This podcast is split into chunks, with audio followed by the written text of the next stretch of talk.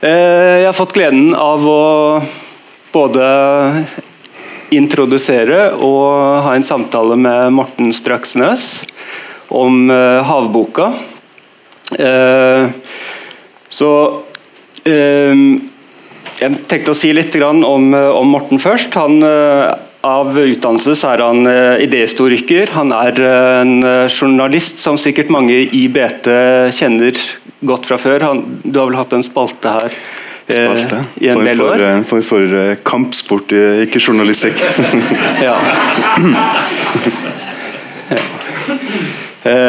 og, og, og, savnet sådan det, i BT. Det ikke av alle. det er mange mange i BT som gjerne skulle sett at du fortsatte der. Eh, du har skrevet eh, minst åtte bøker og et par til sammen med, andre forfattere. Reiselitteratur. Og i fjor så eh, fikk du et stort gjennombrudd med Havboka.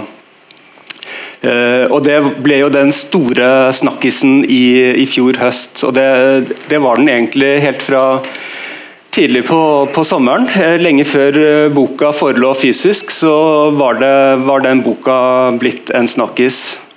Eh, anmeldelsene har vært eh, helt eh, strålende. Eh, og for det har forfatteren fått både Bragepris og Kritikerprisen. Eh, jeg som eh, skal snakke med Morten, heter Espen Stuland og er også forfatter. Jeg eh, har gitt ut en bok som heter 700-årsflommen. flommen og er litteraturkritiker i Klassekampen. Bosatt på Voss.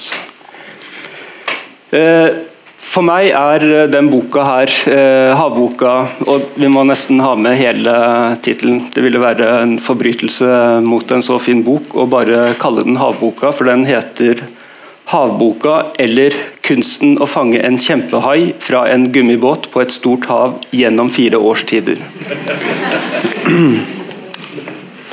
Jeg strevde mye med den uh, tittelen fordi at jeg fant ingen. Uh, hvis jeg får lov å si noe ja, om det? Vi bare kjører løs. Forresten, tusen takk for, uh, til at det er så mange som har kommet i dag. Så uh, til min kjære Katrine, da. Sant? Den har jo holdt på ikke, Det er jo liksom ett år i boka, men jeg har holdt på med den i tre år.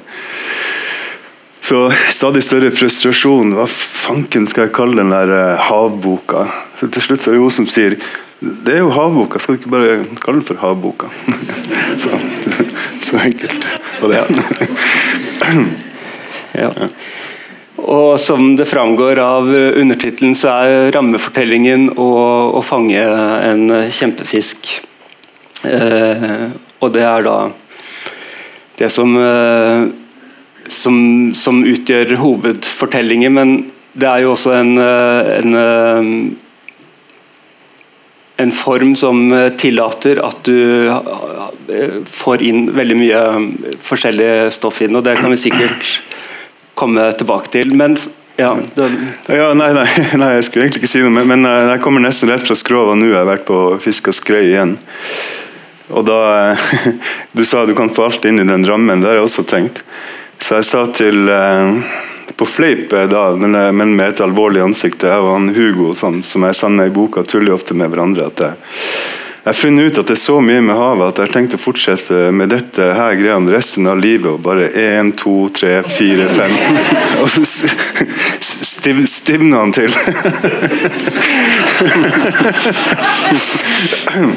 ja. Jeg skal ikke. Ja. men, men det kunne det, det altså, på en måte, det er selvfølgelig bare, bare tull, da, men på en måte så har det vært et veldig fint liv. Eh, og for det andre så er det mer nok stoff i, i havet og alt det det universet som man har i en sånn posisjon i en liten gummibåt på et hav, så, så ja. kunne man faktisk bare fortsette og fortsette til man døde.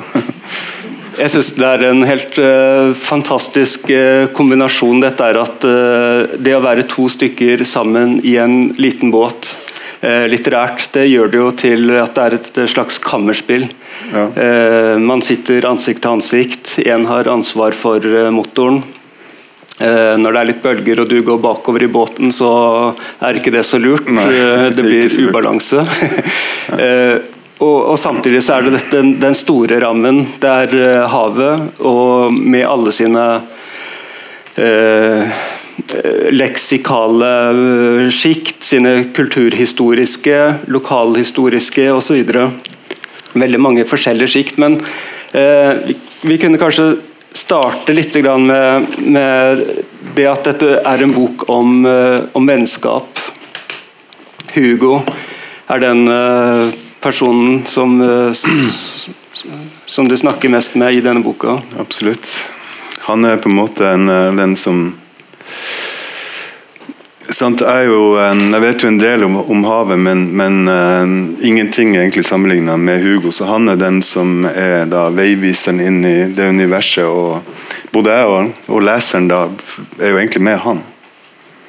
Mm. Så um, um, Hugo er en sånn kunstner da, fra født og oppvokst på begge sider av Vestfjorden. Steigen og, eh, og Lofoten. da, Svolvær. Og fra en gammel sånn fiskeri, veldig driftig fiskerifamilie som har vært først ute med forskjellige ting og har eid opp gjennom årene en veldig lang rekke båter som da Hugo hele tida omtaler som nesten som familiemedlemmer, rett og slett. Uh, og han har da gjennom livet vært på eh, havet konstant nesten og opplevd og sett det meste. Men det er én ting som han har da ikke sett. Sett alle typer hvaler og fiska det meste. Vært med på fiske og hatt båter sjøl og sånn, og til og med kvoter sjøl. Og det er da dette beistet som, eh, som, som det kalles, da, i hvert fall tidlig i boka, monsteret. Håkjerring. Som er en hai som, som da blir omtrent kan bli like stor som en hvithai, omtrent som regnes som verdens største hai. ikke sant? Det kan bli opptil 1200 kilo. Og, og sånn. Eh, så det har han da, det har gått og gnegd i han. De fortellingene han hørte som barn, om hvordan de, han, faren eller onkelen fortalte at de fikk ei håkjerring i garnet og heiste den opp. da. Eh, mens de som var på, på, på, på dekk, fikk en slags skrekk for det. det her eh, dyret fulgte dem med øynene lenge etter det skulle vært dødt. sånt, Så så de at de fulgte med, og plutselig så kunne de måtte hive seg rundt og uh, glefse i seg en, en, en vallunse, altså en bit av en hval, mens det hang opp ned. og sånn. Mm. Og det, det, det, er ganske mystisk dyr. Forskerne vet lite om det. Og dette her hadde han da veldig, veldig lyst til å prøve å fange på en fair og gammeldags måte.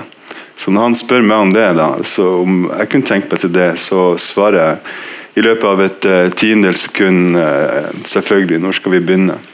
For jeg har da lenge i løpet av min forfatterkarriere tenkt at jeg har lyst til å skrive noe om havet, men hvordan skulle den inngangen være? For måten jeg jobber på, det, det er liksom litt sånn på gulvet, at jeg er i nærheten av det som jeg skal beskrive og skrive om. Men jeg skjønte helt umiddelbart at her hadde jeg liksom rammen som jeg, som jeg, trengte, eller hadde vært på utkikk etter. For, for Inni den så kan man putte hva som helst. Man har sant, et jaktmotiv og, mm. og, et, og, en veldig interessant fyr, ikke minst, Hugo Aasjord. Ja. Var det like tydelig fra start av at det skulle bli en sånn beskrivelse av Hugo? Eller, eh, altså... ikke, for, ikke, for, han. Nei. så, så de, de, de, hadde noen harde runder der, og en, han har selvfølgelig hatt eh, siste ordet på en del ting sånn som man ikke ville ha med, for at det ble kanskje litt for nært. Og, eh, men og jeg har jo hele tida gitt beskjed sånn, Jeg skriver om det her, og du blir jo, du blir jo til stede. Det, det, men han, kanskje ikke jeg ga han Kanskje ikke jeg var klar over selv at han skulle bli såpass sentral som han ble. Så det er et slags sånn etisk dilemma nesten også, men samtidig så er han jo eh, ja, både sky og på en måte avhengig av, uh, av en viss oppmerksomhet som kunstner. Altså han prøver jo, eller han får jo Jeg har fått en del eh, oppmerksomhet rundt dette som jeg håper han uh, også klarer å bruke på sin måte til noe. Det ble uh, for noen uker siden sånn syvsiders portrett i D2 som Dagens Næringsliv på fredager. Sånn, så veldig fin, fin sak. Mm. Så Men det er klart han, han fikk litt uh, sjokk når han leste manuset for første gang. Men, men som, som, regel når han skulle da rette opp ting og si nei, nei, nei, det er jo ikke, ikke sånn. og det, ikke, det, der er jo helt feil. Og, sånn. og jeg jo, prøver jo sånt, Det skal jo være lesverdig for meg, det skal være et driv i fortellinga. Men som regel syns jeg når han da hadde retta det opp, så hadde han gjort det på en måte Eh, enda bedre. Ikke bare i formen av mer korrekt, men enda på en måte villere noen ganger. Når, når han ville ta det ned, ned eller sånn. Ja. sånn skal det være. Så han er uten tvil da, sjefen. Ingen tvil, er, tvil om hvem som er kapteinen om bord i den båten. kan du si. Eller vi er jo i to båter, da, men mm. Jeg opplever det som et uh, veldig veldig ærlig portrett. Altså, du, det er jo ikke bare et, et vennskaps... Uh, solside, men uh, det blir jo litt dårlig stemning uh, den siste, ja, siste delen i boka, siste turen ut der. Ja. Det er en del ting som går galt, og dere, mm. dere, får ikke den fisken. det er helt klart at vi gikk hverandre på, på nervene der en stund. Og det er den en situasjon særlig som er beskrevet nøye i boka. men jeg vet ikke, Det er vel sånn eh, de fleste vennskap er. De går litt sånn opp og ned. og Vi hadde et oppdrag da som vi holdt på med veldig lenge. og som er da, Kanskje ikke han, kanskje han er mer standhaftig enn meg, men jeg begynte å, å, eh, å miste litt uh, motivasjon. Og hele, hele meningsinnholdet smuldra litt opp mellom uh, fingrene på meg. fordi jeg hadde jo egentlig andre ting jeg skulle gjøre. Hvor mange ganger skal jeg reise opp dit og holde på med det her med Hugo? og, og sant, lang, lang reise og mye trøbbel, motortrøbbel. Det er jo turer som er innimellom der som faktisk ikke er nevnt i boka. Mm.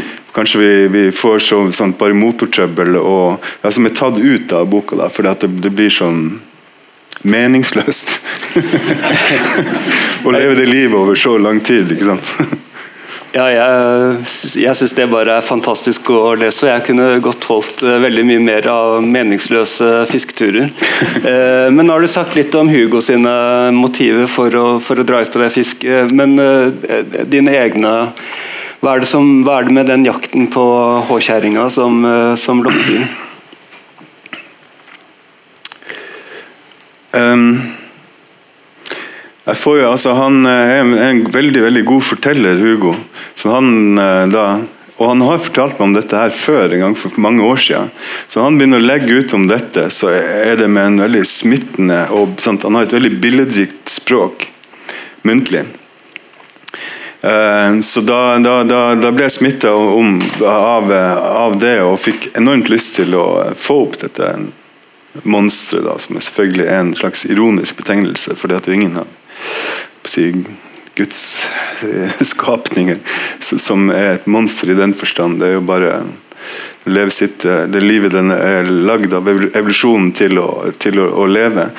Men eh, det er nok en større, også en baktanke her. for Nettopp for at jeg ser at jeg har, har stoff til en bok bare ved å være sammen med han som, som er da så fri og åpen, og samtidig gir det, det elementet av av liv som man gjerne vil ha i sine bøker. for Han kunne jo satt meg ned og ikke reist noe sted og så skrevet om alt det fantastiske som finnes i havet, men da ville den blitt litt fjernere og ikke så tett på. Mm. Så det, det er liksom mer kalkulerende fra min side, selv om jeg blir smitta av, av Hugo sin besettelse. Han nekter jo for at han har, har noen besettelse sjøl. Også i et intervju jeg så for en stund siden. Jeg er ikke besatt, men en skal opp. han, er, så nå, han litt sånn letta, for han mente at dette her fisket vårt uh, ga en slags At det skitna til uh, det som for han var et litt sånn rent prosjekt.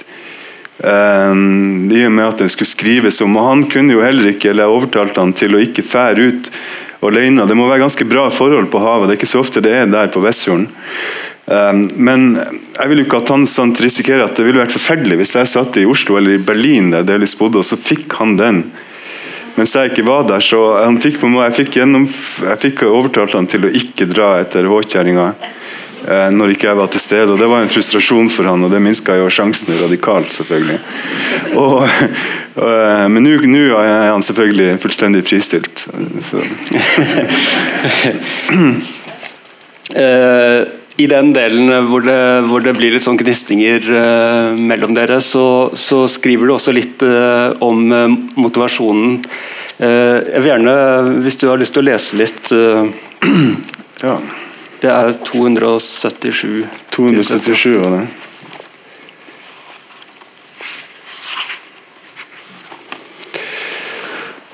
Og da spør jeg da meg selv sitat Eh, hva slags idiotisk, morderisk opplegg er det vi har begitt oss ut på?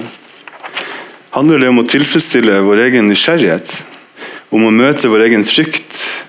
Om et jegerinstinkt der vi må nedlegge det største byttet vi teoretisk sett kan klare, altså en slags storviltjakt på havet? Ligger ikke myten om, det, eh, myten om mons, monsteret slumrende i dypet av vår natur, genetisk nedarvet fra den gangen vi var bytte for utdødde rovdyr, den gangen sabeltanntigre slepte oss halvdøde inn i uler for å ete oss i mørket? Kampen mellom oss og krokodillene som drar oss ned i deres verden og river oss i filler? Håkjerringas roterende teknikk minner jo faktisk om en krokodilles. Vi, vi vant kappløpet ved å pådra oss et kilo ekstra hjernemasse, en geléaktig grå substans som er på nippet til å skjønne det meste, inkludert hvordan dens egen bevissthet virker. Arven fra fortiden er likevel til stede som et slags dypminne.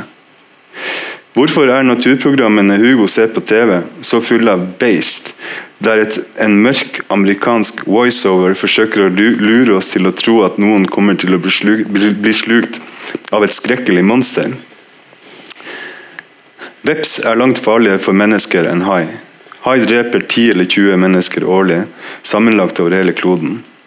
I samme tidsrom dreper vi om lag 73 millioner hai. Til tross for dette regner vi den som et farlig rovdyr. Dette paradokset er verken Hugo eller jeg blinde for. Hver gang en hai angriper et menneske, går meldingene jorda rundt. Folk ser for seg en kaldblodig lysmorder med uttrykksløse øyne som plutselig og lydløst slår til. En kjeft med flere rader sylkvasse tenner farer opp gjennom vannsøylen og hugger tak i armen, beinet eller midjen på en intetanende svømmer.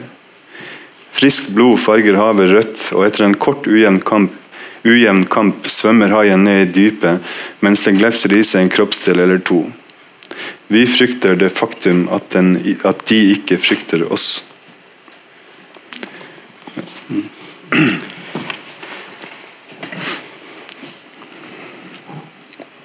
Um, I dette avsnittet så er jo mennesket ser på seg selv som veldig sårbart, eh, samtidig som det er jo mennesket som er den store eh, morderen her eh, på verdenshavene. Eh, men eh, det, det, har vært en viss endring nå de siste årene. jeg har sett egentlig. Du får altså Jeg pleier ikke å eh, se noe særlig på TV, men oppe der på kveldene, sant? ikke minst på vinteren når det, ikke, når det er mørkt og sånn, så ikke noe gjør. Vi kan ikke være ute på havet sånn, sånn som ellers om året. Sånn. Så, så, går det mye i natur... Hugo er veldig interessert i å se disse naturprogrammene. Så jeg har fulgt, eh, og særlig de om hai og hav. og det, det er jo eh, veldig veldig mange av dem. Men viss, et visst segment av disse her programmene som da spiller opp om fare og monstre og beistet som er sånn, sånn stort trussel mot mennesket. Det, stort sett det, det er liksom gjennomgangstonen. Men en, en en, en stigende andel ser da på f.eks. den klassiske eh, sjefsmorderen Hvithaien.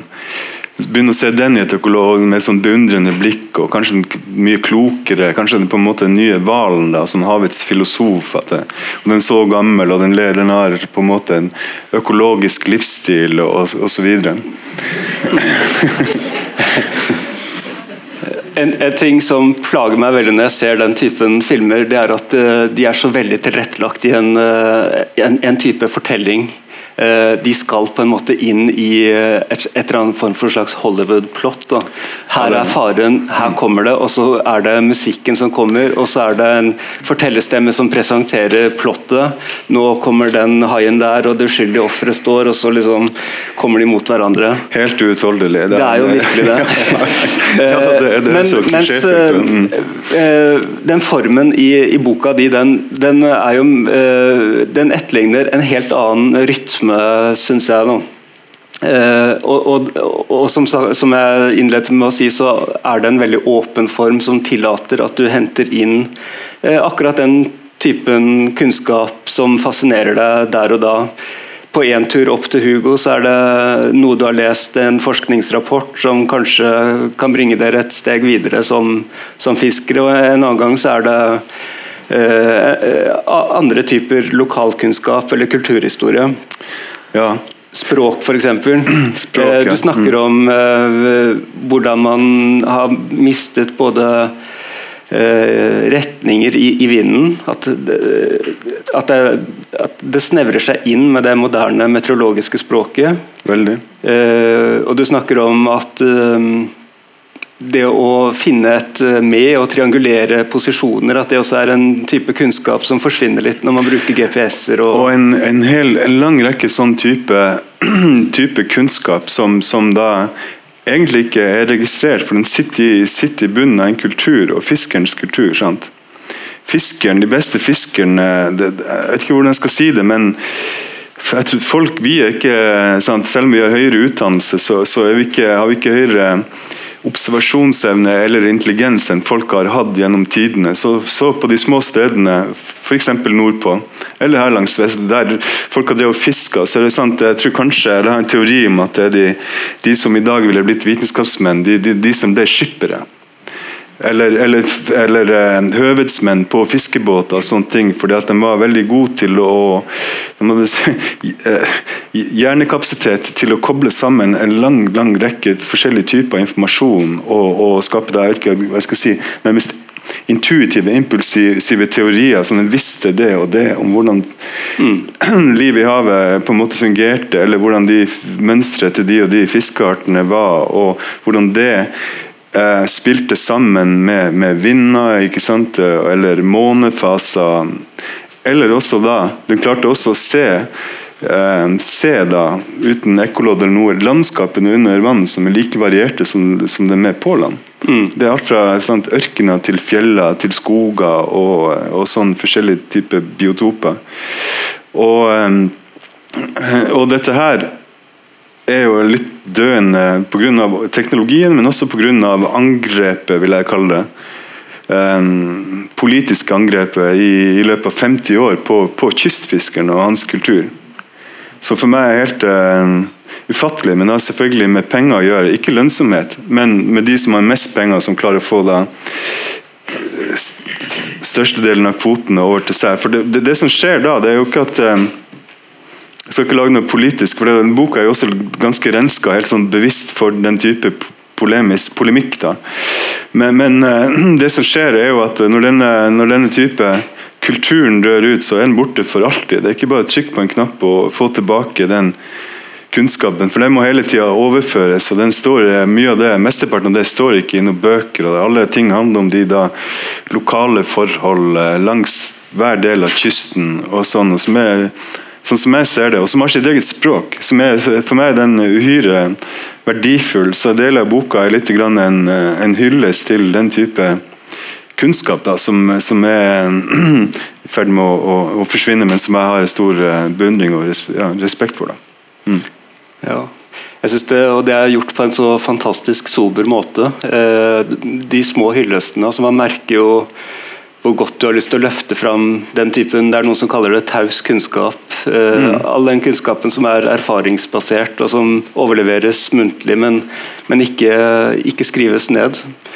Eh, jeg leste en rap rapport fra noen forskere på Norsk Polarinstitutt. Det er to forskere som sier at det er veldig mye vi ikke vet om håkjerringa. Den, den, den kom ut i fjor. Eh, blant annet så har man veldig store problemer med å tidfeste hvor gammel en håkjerring er. Man, man, man, kan betrakte den og se på den og dissekere den, men det er veldig vanskelig sier de, å, å finne ut hvor gammel den er. Jeg husker, jeg husker men, ja. men, men, bare poenget. Ja. Mm. Uh, mens de anerkjenner at uh, gamle fiskere de har antageligvis mye mer kunnskap om håkjerringa enn vi som forskere har samlet per i dag. Selv om de har forskningsskuter og ja. setter på den GPS-er og osv. Mm. for å finne ut hvor fort de svømmer og hvor fort de kan akselerere og alt mulig. Mm. Ja, Nei, det er jo en, en ydmykt eh, gjort av dem å, å, innrømme det, for det er naturligvis sant. Selv om det skal også sies eh, Det begynner å bli eh, tynt igjen med, med folk som har vært med på håkjerringfiske. Altså kommersielt håkjerringfiske. Jeg har møtt et par sånne, og de har jo mye å fortelle. Alt fra oppførselen som De har ofte helt sånn overraskende opplysninger som, som forskerne ikke er klar over uh, i det hele tatt å komme med. Sant? Sant? Forskerne tror at den hele tida er nede på 300-400 meter, eller enda dypere, kanskje. Men uh, det, det en fisker kunne fortelle meg, for eksempel, er at om, om, uh, om somrene så hendte det, særlig når de, når de drev på med ja, Det kunne være at de hadde skutt en vågehval eller noe sånt, så kom helt opp i overflata. Og eh, Det er ikke meninga at en håkjerring skal gjøre det, ifølge forskningene. De spretter eh, forskerne, de, altså de spretter jo eh, som regel opp buken for å se hva de fant inni der. For det var veldig ofte overraskende ting som de ikke skjønte noe av. ikke? Hvorfor, hvorfor klarer en det som er en ganske eh, treg hai, altså det latinske navnet som, somnius microcephalus, altså den trege, eller sånn søvngjengeraktige mikrohjernen på, på, latin. Uh, hvordan klarer den å fange alle disse her dyrene som er liksom ti ganger Eller fiskene, da, eller sant, sel, laks, kveite De har funnet, funnet halv reinskrott eh, og til og med deler av et menneske inni inn en. Hvordan klarer de det? Det må ha noen, noen hemmeligheter. Men den kunne altså komme opp i en fisker fortalte da, da en kar på en varm sommerdag på Vestfjorden ville ta seg en dukkert, så plutselig dukker det opp en håkjerring rett ved siden av ham. Og det Det er jo Ser folk drive og Første året vi var ute, så var det sånn skoleklasse som var ute i en sjark og drev og bada. Jeg så flere av jentene, sånn, sånn tenårings sånn, Jeg vet ikke om det var en uh, syv-åttende klasse eller noe sånn, har på seg gul, En hadde på seg gul badedrakt. Og da, da visste jeg at haier en eller annen grunn de går lettere til angrep når de ser fargen gult. Man har ikke anelse hvorfor. Men uh, det driver jeg og diskuterer jeg og Hugo hele tida. Hva er det? Han har sine teorier. Den er i stand til å ta et voldsomt rykk. Det er bare at det ikke blir registrert av forskerne, for de vet så lite. Og dermed så forklarer vi det og det. og sånn, Du ser jo ikke sant, hvordan Han ser noen bilder der det er en, en håkjerring på sånn, en av de kanalene. En håkjerring går løs på et et hvalkadaver. Uh, mm. Da glefser den til og så roterer rundt med en enorm fart. Så den må jo ha en eksplosivitet i kroppen. Mm. ikke sant? Uh, I den forskningsrapporten jeg leste, så, så står det at uh, den svingningen i halen liksom fra side til side sånn, den tar seks sekunder. Ja. Uh, og Det er jo helt ekstremt langsomt. Men den, den, har kanskje noe helt andre egenskaper idet den, liksom, i den har et bytte i munnen. Kanskje det er noe som utløses da? Ja, men allikevel. ikke sant? Du vet jo hvordan en, en laks er. For det første så svømmer ikke en laks eh, Og det, det, altså det er bevist at den kan ta levende laks. Og laks sover, sover jo heller ikke på bunnen. sånn som Overhodet ikke. Så da er det en sånn teori om at den, sånn, den har sånn grønne nesten selvlysende øyne pga. en parasitt som mange centimeter lang. Den er nesten blind. da. Parasitt som henger ut av øyet. og Kanskje det er blir en slags hypnoseeffekt ut av det. Det er mange, mange spekulative teorier rundt tåkjerringas vesen. Det er jo ufattelig mange sluker som, eh, som er i grelle eh, fosforfarver. Kanskje, kanskje det er noe der. Ja, kanskje. Eh, men en av, på en av disse turene så, så beskriver du at plutselig kommer det et uh, snødrev, og dere mister uh, En ting er at dere har mistet, eller i hvert fall du har mistet mobilen ned i fiskeslo og blodet på bunnen av denne båten, som ikke frakter dere så veldig fort. Nei. og dere mister også oversikten over topografien, sånn at det er vanskelig å orientere seg. Mm. Så det er jo en bok hvor du har rett og slett risikert veldig mye bare å sette seg i den båten. Én ting er jo disse kjappe den, uh, den andre båten, men på den fjerde turen så er det en, en veldig dårlig farkost. Ja, Nei, sant. Folk, det er klart at det, det, skal, det, det er vel kanskje litt sånn at jeg spiller litt på det. sånn, fange en diger, I tid, undertittelen og sånn, fange en diger hai fra en, fra en gummibåt. Ah, det høres ut som kjempefarlig, det blir spennende. og sånn. Egentlig så er jo ikke det noe særlig farlig hvis du vet hva du driver med. Det som er den eneste farlige situasjonen vil jeg si, på, på, på hele det der i løpet av det prosjektet jeg vil kanskje heller å være i en, eh, i en 14 fots plastbåt som er, har stått på land da, og det har regna inn og det er lekkasje, sånn at det, det som er luftekanaler er full av is. Og begynner å fylle den med skrei, og, sånn at det er så langt sånn, til ripa og det begynner å blåse opp og, og snø, da mm. Det er jo egentlig litt farlig. egentlig jeg jeg, jeg syns det var forferdelig ubehagelig å lese. Jeg vet jo dette har kommet ut som litteratur, forfatteren uh, har et internasjonalt gjennombrudd osv. Men, men som litteratur så funka det jo veldig godt, vil jeg si. Takk for det. Uh, uh, men og du har vært veldig opptatt også av båten da, som, som symbol i litteraturen med Rimbaud. Uh, du siterer han ganske tidlig. Eh, 'Den berusede båten' av Arthur Rimbaud, 1800-tallspoeten. Eh, og dette er jo også en slags hyllest til en del litteratur. Ja visst. Har du lyst til å si litt eh, om det? Vel uh, Hvor skal man begynne? Det er så mye litteratur å forholde seg til når man driver på med et prosjekt som har med havet å gjøre, at uh, der også må man liksom være streng og kan bare ta med noe som da passer inn forhåpentligvis organisk i teksten. Og eh, Rimbaud er en av de tekstene som, som, gjør det, for det skal være en, eh, forhåpentligvis en, en, en, utvikling i boka. Og eh, Rimbaud sin 'Berusede båt' eh, regnes ofte som startskuddet på den mo moderne poesien. Og Den har selvfølgelig da med, eller selvfølgelig, det, kanskje ikke det, men med hav å gjøre. Og Den brusete båten eh, fra det, liksom barndommen stille kulper der oppe som driver ned langs en elv, og så får den oppleve da å synke og være nede på bunnen og alle disse synene og liksom um, hallusinasjoner nesten fra båten sin, eller hva den opplever gjennom sitt liv. Eh, det, det, det, er et veldig vakkert dikt og som jeg da kommer tilbake til i løpet av boka. Fordi at jeg synes jeg rett og slett er veldig glad i det. Men så er det jo også helt sånn Og jeg skulle gjerne hatt mer med. Og bare sånn at boka lever på en måte inni meg enda. Det er såpass at eh, jeg klarer ikke helt å Jeg jeg har ikke lest den, egentlig. Jeg, jeg liker ikke å, å det, Man må ha en viss avstand til sine bøker før man leser dem litt sånn uten, utenfra-blikk. Um, men hele tida så, så sant, det er som en jobber såpass lenge med noe, så fortsetter jeg å være inni det. Så jeg har på radaren da. Og hele tida ser jeg eller leser jeg nye ting som dikt av forskjellige typer forfattere, altså, eller, eller, eh, litteratur som gjerne kunne vært referert i den boka. For det er så mange forfattere gjennom helt fra tidenes morgen, fra skriften ble oppfunnet, som har referert og skrevet interessante og, eller vakre eller intelligente ting om, om havet.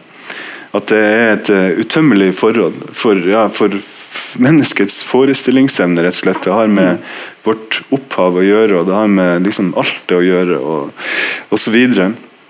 Men noen, noen, ganger så passer det såpass eh, bra for boka at det, det må inn sånn det er en folk har sagt til meg sant, I første turen vi har ut, så går det liksom, kommer vi midt ut på Vestfjorden og så møter vi på en spermhval. Mm, den der har du vel kanskje smidd til litt ekstra, for det, det skjedde vel ikke sånn.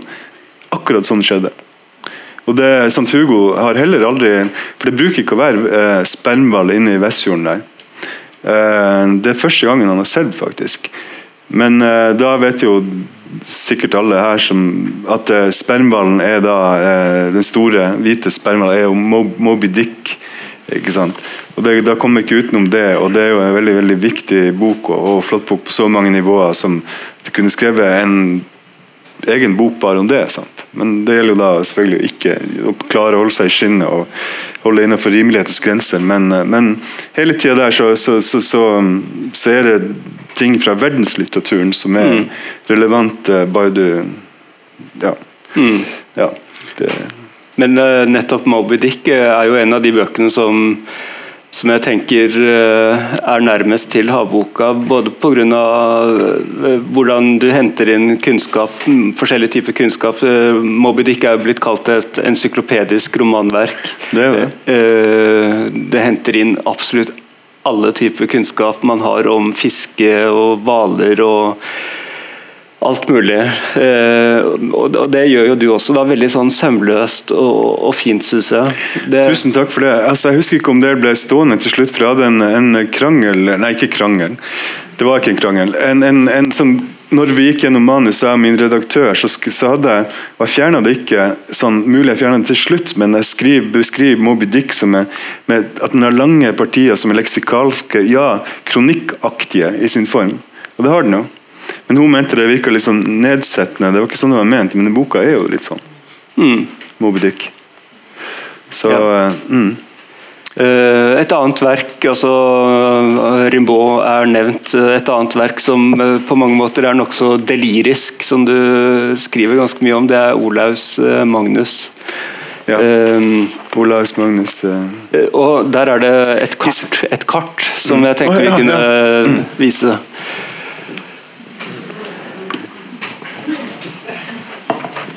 Og her ser dere jo at jo lenger fra København og Danmark og England man kommer, jo høyere nordover man kommer, jo verre blir uhyrene. Og til slutt så er det helt uh, grusomme beist. Uh, forferdelig farlig, selvfølgelig. Har du lyst til å kommentere eh, altså det er jo Området du fisker i er jo godt synlig her oppe ved Lofoten. Um, er det en peker på den uh, den røde pila. Ja, den røde sjøslangen der, for eksempel, der oppe rett utenfor Lofoten. Du ser det, det, hullet. ja.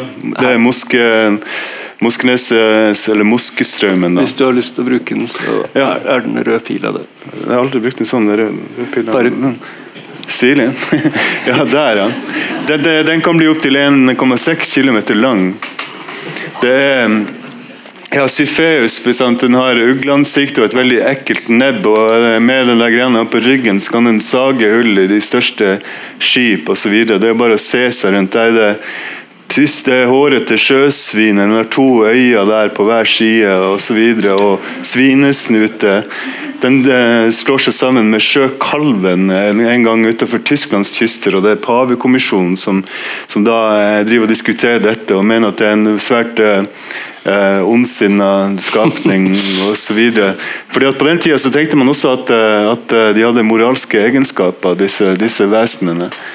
Eh, sant? Tristeren kan få de største skip til å synke. Det er rett og slett eh, Skal vi se, der er polyp, polypen. Den har eh, da Eh, ti, ti, forskjellige klør, og eh, den kan ta en, en mann Den kan krype, sånn, ta, krype om bord i store seilskuter og ta en, en, mann i en klo og bære han ned til familien på bunnen. Og, hmm. tenk, tenk, deg, tenk, deg, tenk deg alle de, de, sjøfolkene som hørte om dette og leste om det. og fikk vite alt som, som eksisterte. Det er jo bare en liten brøkdel av det som hmm.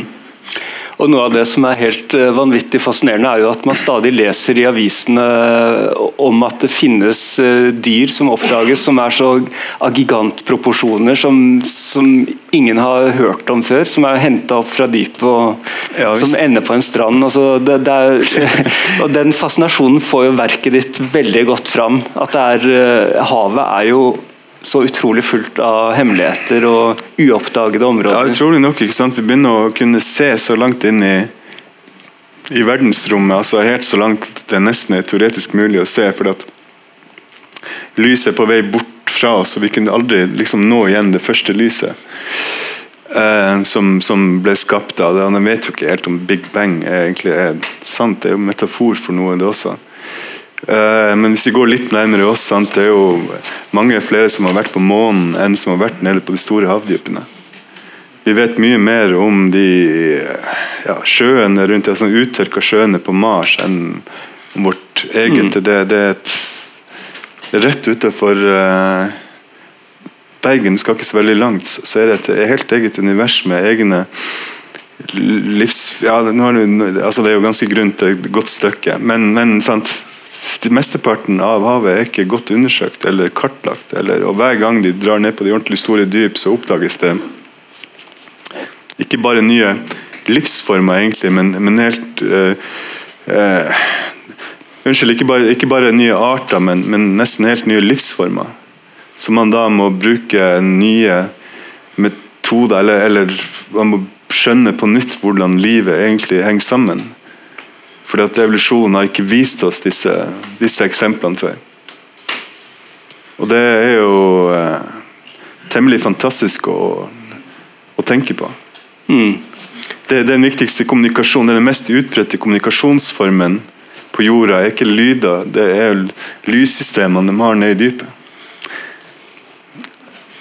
Det er et av høydepunktene i boka, synes jeg, når du beskriver alle de eh, lysformene på forskjellige fiskearter og altså hva det nå er alt sammen. Eh, maneter og osv. Eh, blinkende sirkuser og, som foregår nedi her. Ja, og sant, jeg har, har uh, forestilt meg my mye, mye, rundt det, men uh, det er faktisk del av det som er filma også, at det plutselig bare blir lyseksplosjoner. Så er da Evolusjonen er, er, nesten helt utrolig hva den klarer å frembringe av uh, teknikker og forplantingsmuligheter og, og rare um, kroppsdeler, holdt jeg på å si. Mm. Eller strategier for overlevelse. Mm. Sånn, de fleste lysene har noe blått ved seg, for de, de fleste dyrene eller fiskene og artene der nede kan bare oppfatte det blå lyset. Mm. Det er det som går lengst ned, ned gjennom vannet, og det er derfor havet ser blått ut for vårt øye. Men så er det noen da som har klart å eh, på en måte oppdage dette, og da eh, utvikla en rød, rød, lyskaster. Så den kan da, De er usynlige selv, men den kan gå, gå og, og, de som blir opplyst, merker ikke at de blir opplyst. Og da kan de ta dem. ikke sant? Hver art har sine egne sånne signalsystemer med lys for uh, for forplantning som de må, må gjennom for helt hele tatt eh, selvfølgelig. Og Da er det noen som da klarer å etterligne disse, sånn at de lokker til seg noen som tror de da skal oppleve noe helt annet enn det de får oppleve. og det er, hvordan, det er, helt ufattelig for oss nesten å, å skjønne hvordan Eller for meg, i hvert fall. Ja, av, og til, så, av og til så tenker jeg at disse kreasjonistene er, det høres jo mer sannsynlig ut at nesten enn at bare tilfeldigheter og den, genetikk og tid skal ha klart å skapt alt dette.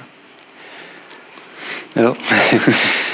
Det er, det er jo sikkert derfor veldig mange sitter her, fordi denne boka klarer å skape en sånn uh, veldig fascinasjon og, og undring uh, overfor uh, naturen.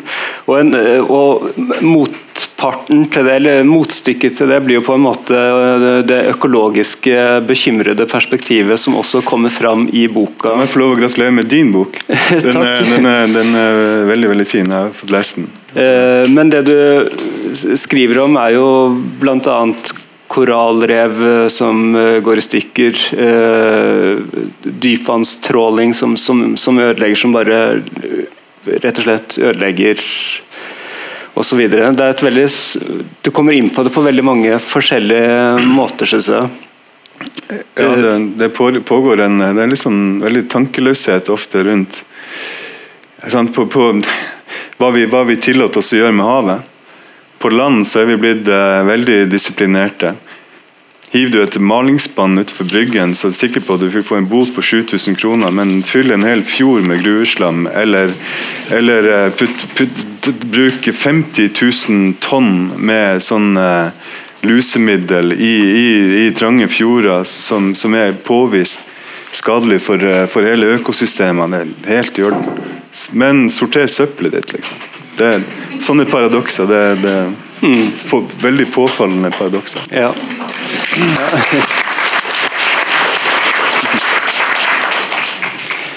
Uh, og En, en H-kjerring kan muligens bli 200 år uh, gammel. Og Det vil jo si da at eh, en håkjerring som lever eh, i dag og er 200 år gammel, den har da opplevd eh, noen helt ekstreme forandringer i, i havøkologien. Ja. rett og slett. Mm. Og De som ble født for 50 år siden, de vil oppleve enda større forandringer i løpet av sin livssyklus. Ja.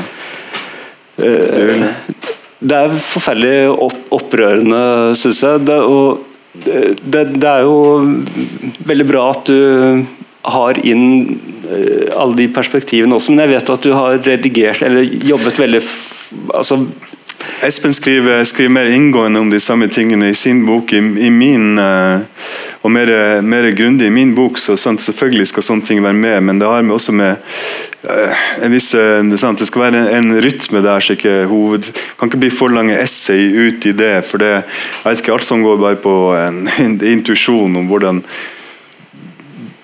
en tekst ikke skal uh, miste sin hovedlinje og sin musikalitet. og At leseren ikke da blir eller at ikke boka forandrer karakter og blir noe annet enn det den allerede har vært. og sånn. Men uh, selvfølgelig er sånne ting med, for det er jo uh, veldig, veldig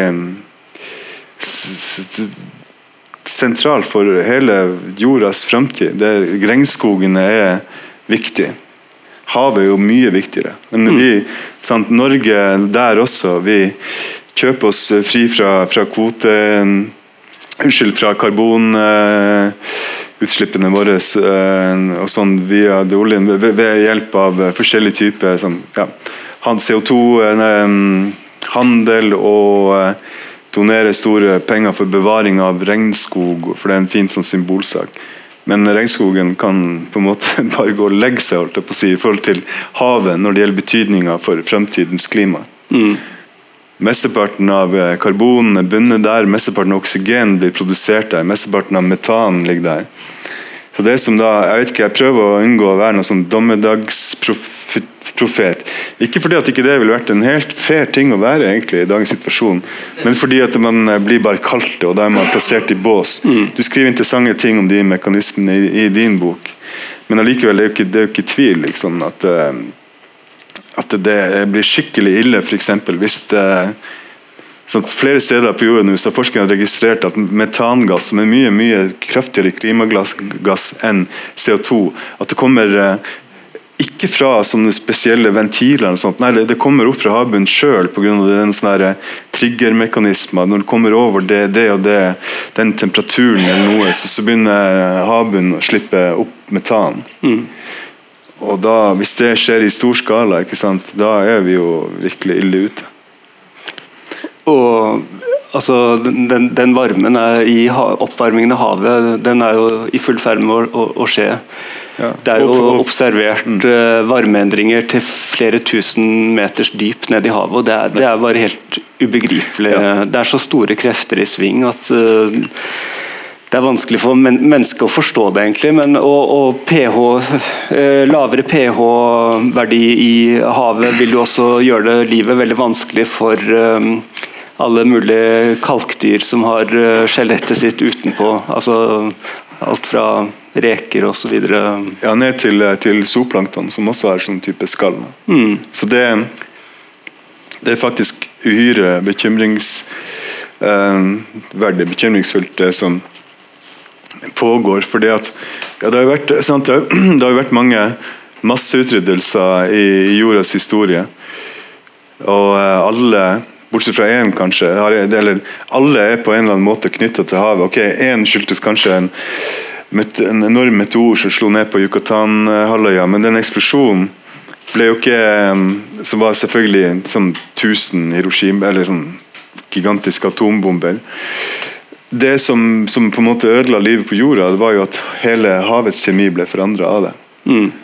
Ikke, ikke, automatisk pga. eksplosjonen, men pga. Eh, sant, hele store deler av eh, jorda kom i brann. og mm. alle sånne type, type, ting. Det er altså den som utryddet uh, dinosaurer? Nettopp. Ja. Permtrias er det vel. Mm. Um, men for å spinne litt videre på det. Det var en eh, anmelder som trakk inn eh, et begrep eh, av Freud som, het, som kalles oseanfølelse mm. i, i, i, anmeldelsen av havboka. Som, som handler om en, sånn, en, stor følelse av å være i, i, i havets uendelighet. Ja. Um, og Jeg vet ikke hvordan du stiller deg til det, men jeg tenker på det som en sånn mulig eh, økologisk livsfornemmelse som, som den boka eh, uttrykker. Det er jo eh, en slags velværetilstand ute på havet som beskrives veldig ofte. Veldig, tusen takk igjen. Det er veldig sjenerøse ord. For å si det sånn som det er, så har jeg aldri vært spesielt opptatt av miljøvern i det hele tatt før jeg ble begynte å, å, å se nøye på, på, havet. Altså Ikke bare med denne boka, men, men en stund før det også, å, sette meg ordentlig inn i det. For da sant, for å, for å, være litt eh, nærmest spydig, da, eller hva jeg skal si. Så det er, det er veldig mange som er opptatt av pandabjørner og, og sånn type søte dyr. Eller og det er veldig mange som er opptatt av og med, Ikke misforstå, med god grunn, er det? Eh, og også sånn menneskeskapt global oppvarming og sånn Det er bra dekka, men så, eh, så er det kanskje litt grann, Eller for meg så ble det i hvert fall det som, som ble inngangen til å få det på en måte hjertet for jorda. Det ble havet.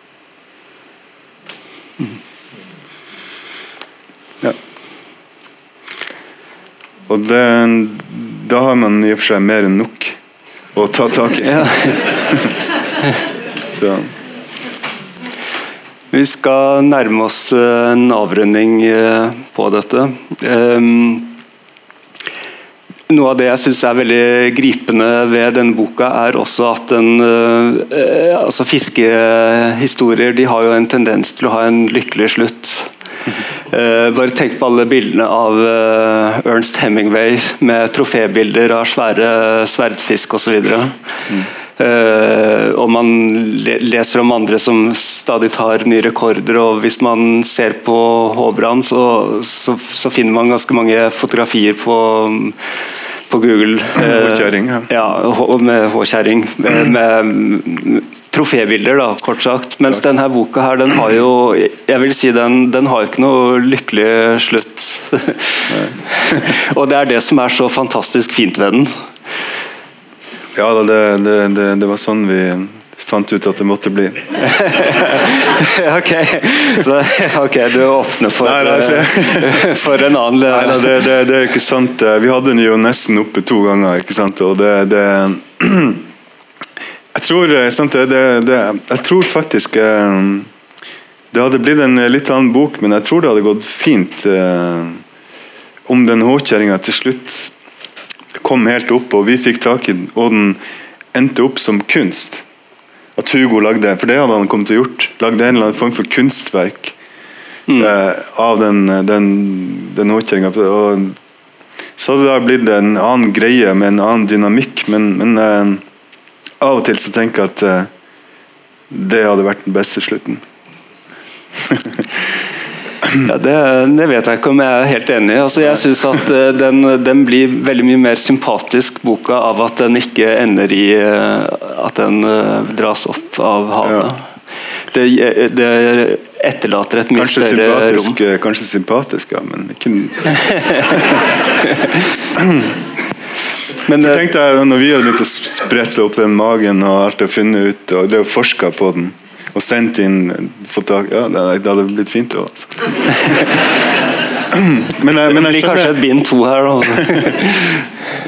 Nei, jeg tror ikke det gjør det, men, men eh, på en eller annen måte så, eh, så skal den jo opp, ifølge Hugo.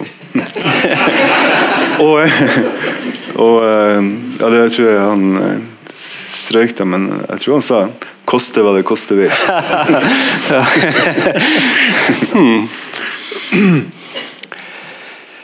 Ja.